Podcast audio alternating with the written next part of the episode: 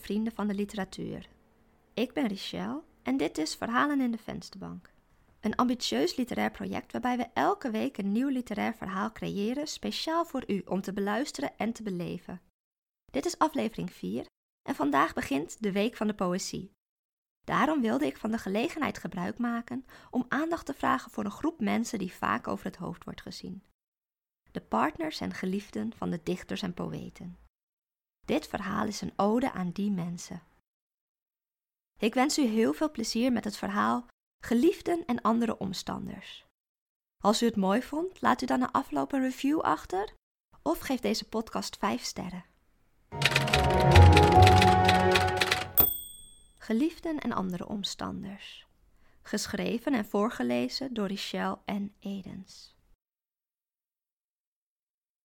Ik ontmoette haar tijdens de kunstroute van Bakken. We stonden in een woning met zo'n dertig andere mensen en een man droeg een gedicht voor. Het was niet goed en ik ving haar blik. We maakten grimassen naar elkaar. Later ging ze met me mee om samen iets te drinken bij de snackbar op de hoek. Zij bestelde ijsthee en dronk direct uit het blikje, zonder naar het plastic bekertje om te kijken. Plastic was slecht voor het milieu, zei ze.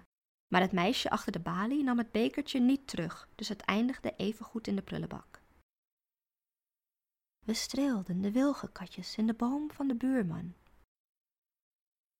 Pas later leerde ik dat zij ook een gedicht had voorgedragen die middag, nog voor ik binnenkwam. Het maakte me bang. Van de meeste gedichten die middag verkrampte mijn maag en voelde ik me licht in mijn hoofd van de grote woorden en het geforceerde drama. Maar ik had haar niet gehoord. Misschien was zij wel goed. Ik kon haar het voordeel van de twijfel geven. Schoenkarton en cellofaan en de geur van prit in onze neuzen. Ze zoende fijn, haar lippen waren zacht en de geur van haar shampoo was van een nostalgische vertrouwdheid. Ze hield van Aziatisch eten, van weekendjes weg en van stedentrips, gewoon in Nederland. Op zaterdagavond keek ze naar Linda de Mol en als ze de afwas deed, zette ze muziek aan van Kate Bush, die ze verrassend zuiver kon meezingen. Dat is de reden dat ik haar vroeg om bij me te komen wonen. Niet uitsluitend, maar Kate Bush speelde zeker mee. Kijkdoos waar anderen voor een dropje in mochten gluren. Kijk, zei ze. Ik had mijn jas en stropdas nog aan toen ik ons appartement binnenstapte. Ze lag op de grond van de woonkamer, haar ogen rood gezwollen en haar haren pluizig en verward. Ik dacht dat er iemand dood was gegaan, of dat ze onfortuinlijk medisch nieuws had ontvangen, waardoor ze een mentale inzinking had gehad. Ze klemde een verkreukeld A4'tje tegen haar borst. Kijk, schat, kijk, zei ze. Wat is er gebeurd? vroeg ik. De poëzie, zei ze, de poëzie is gebeurd. En dan langs bedauwde spinnenwebben terug naar school. Wil je het horen? vroeg ze. En instinctief wist ik dat ik dat niet wilde, maar dat ik evenmin nee kon zeggen. Later, zei ik. Ik ben nu moe en hongerig. Ze zag er teleurgesteld uit. Ik wil je de aandacht kunnen geven die je verdient, zei ik. Ze knikte. Fietsenhok van eerste keren, vooral voor onze lippen. Sigaret en zoen. Wil je wel eerlijk zijn? vroeg ze na het eten toen ik echt geen excuus meer over had. Het voelt alsof ik iets goeds heb geschreven, maar als het helemaal kut is, wil je het dan ook zeggen? Ik kan dat wel aan. Ik wil niet zo'n dichter worden waardoor mensen op kunstroutes grimassen moeten maken naar elkaar. De fiets naar voren en weer terug, mijn voorwiel tegen haar schoen. Ik knikte en beloofde dat ik eerlijk zou zijn. Er was een licht gevoel in mijn borst. Ik ben nog nooit zo bang geweest en ik heb nog nooit zo vurig gewenst dat een gedicht goed zou zijn. Ze liet het me niet lezen.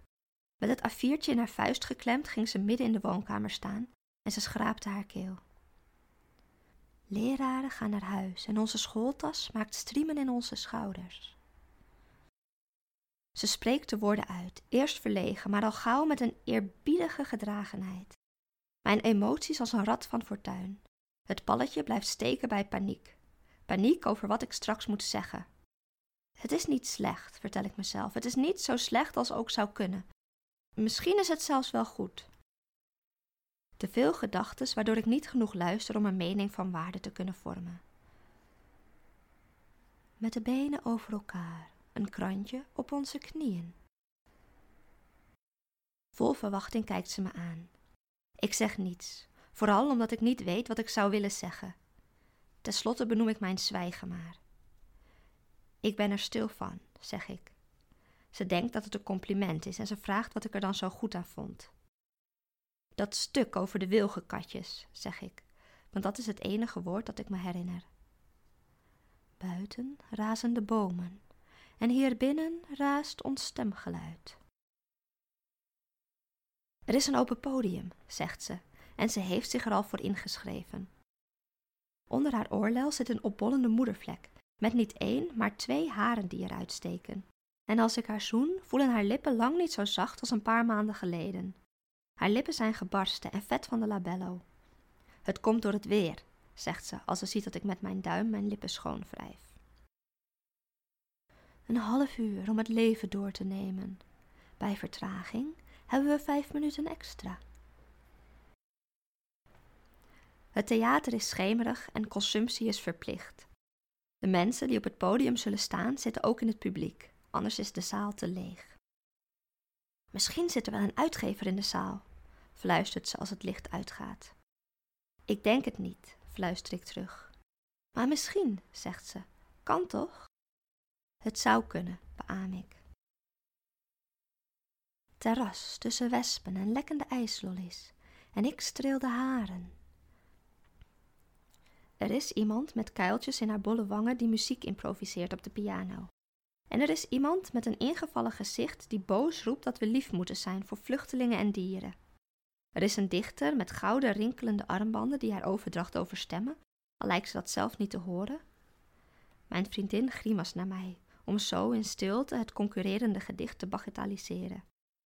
Ik kan het niet over mijn hart verkrijgen om terug te grimassen. Van het kind dat wil dat ik de schommel duw. Er is een oude man die zelfgeschreven liedjes op de gitaar speelt, en dat ontroert me. Niet de liedjes zelf, maar de gedachte dat hij zijn droom nooit heeft opgegeven. Ik probeer me voor te stellen waar ik nu zou zijn als ik nooit had opgegeven. En ik kom er op dat moment achter dat ik geen dromen had. In de pauze koop ik in een opwelling zijn cd.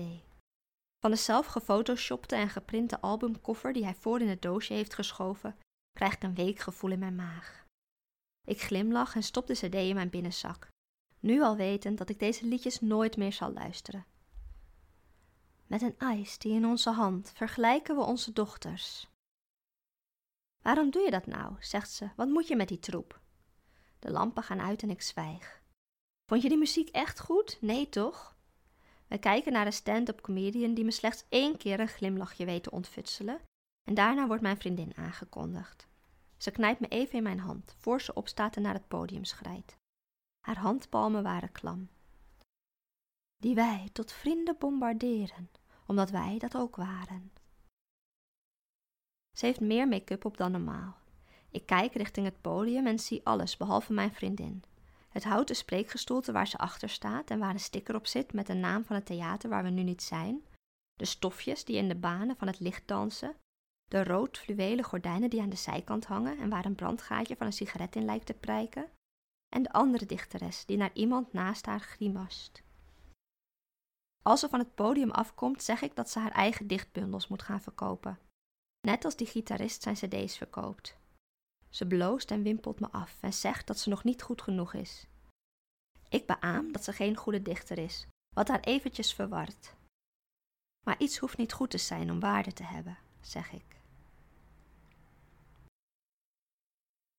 U heeft geluisterd naar Geliefden en andere omstanders, geschreven en voorgelezen door Richelle en Edens.